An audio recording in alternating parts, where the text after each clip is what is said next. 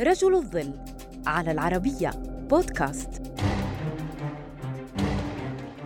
بينما كان محكوما على الكثير من المكفوفين بحياة من الأمية والفقر وجد لويس بريل طريقة تهيئ لهم طرق العلم. عرفت لاحقا بنظام بريل للقراءة لكن اسمه بقي على هامش التاريخ حتى ستينيات القرن الماضي ولم يحظى بتكريم طوال حياته. فما قصته؟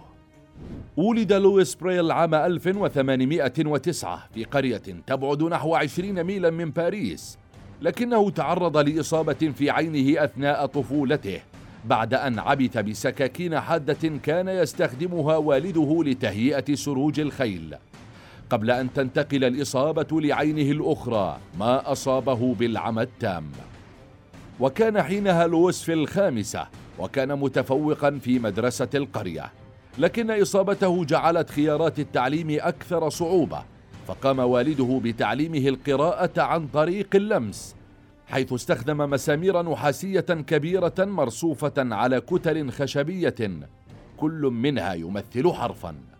عندما بلغ العاشرة من عمره نقل الطفل الكفيف على متن حافلة إلى باريس للالتحاق بالمعهد الملكي للشباب المكفوفين.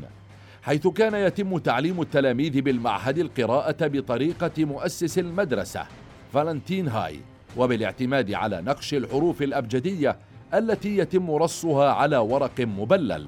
ولكن عيب هذه الطريقة صعوبة قراءة الكتب الضخمة والثقيلة والجمل الطويلة. في عام 1821 زار النقيب تشارلز باربيه من الجيش الفرنسي المعهد لمشاركة اختراعه المسمى التصوير فوق الصوتي أو الكتابة الليلية مع المختصين هناك.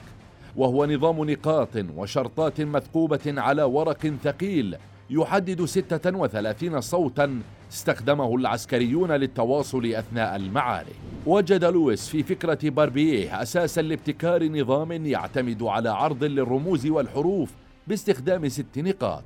يتم ثقبها على ورق ثقيل وتتكون من كتل مستطيلة تسمى الخلايا وهو المشروع الذي أكمله قبل أن يتم الخامسة عشرة. ثم قام بعرض نظامه على المعهد لكنه قوبل بالرفض. فراسل معاهد أخرى بفرنسا وحول العالم لكنه لم يجد أذنا صاغية. بعد الانتهاء من الدراسة عمل لويس كمدرس مساعد بالمعهد. ودرس الرياضيات والتاريخ ولكنه أثناء ذلك بقي يعمل في الظل لإتمام مشروعه وجعله متوافقا مع العديد من العلوم ومن بينها الموسيقى. كما أصبح عازف تشيلو وعازف أرجنين وعزف في الكنائس في جميع أنحاء فرنسا.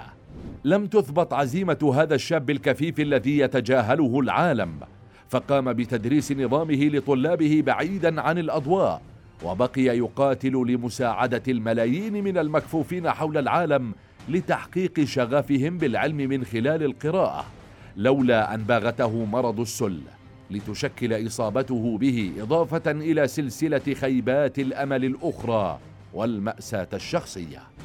اضطر لويس لترك التدريس والتزام مسكنه في غرفة علوية مستأجرة وكان يسعل طوال الوقت حتى جاء يوم لم تسمع به مالكة المنزل سعاله كان ذلك في السادس من يناير عام 1852 فعرف حينها أنه توفي.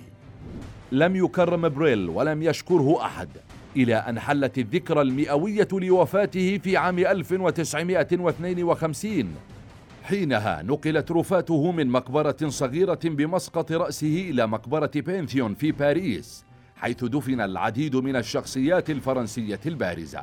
وأقيم حفل عام كبير على شرفه وحضره كبار الشخصيات من جميع أنحاء العالم. وكان من بينهم الكاتبة الأمريكية العمياء والصماء الشهيرة هيلين كيلر التي قالت نحن المكفوفون مدينون للويس بريل مثلما تدين البشرية لغوتنبرغ.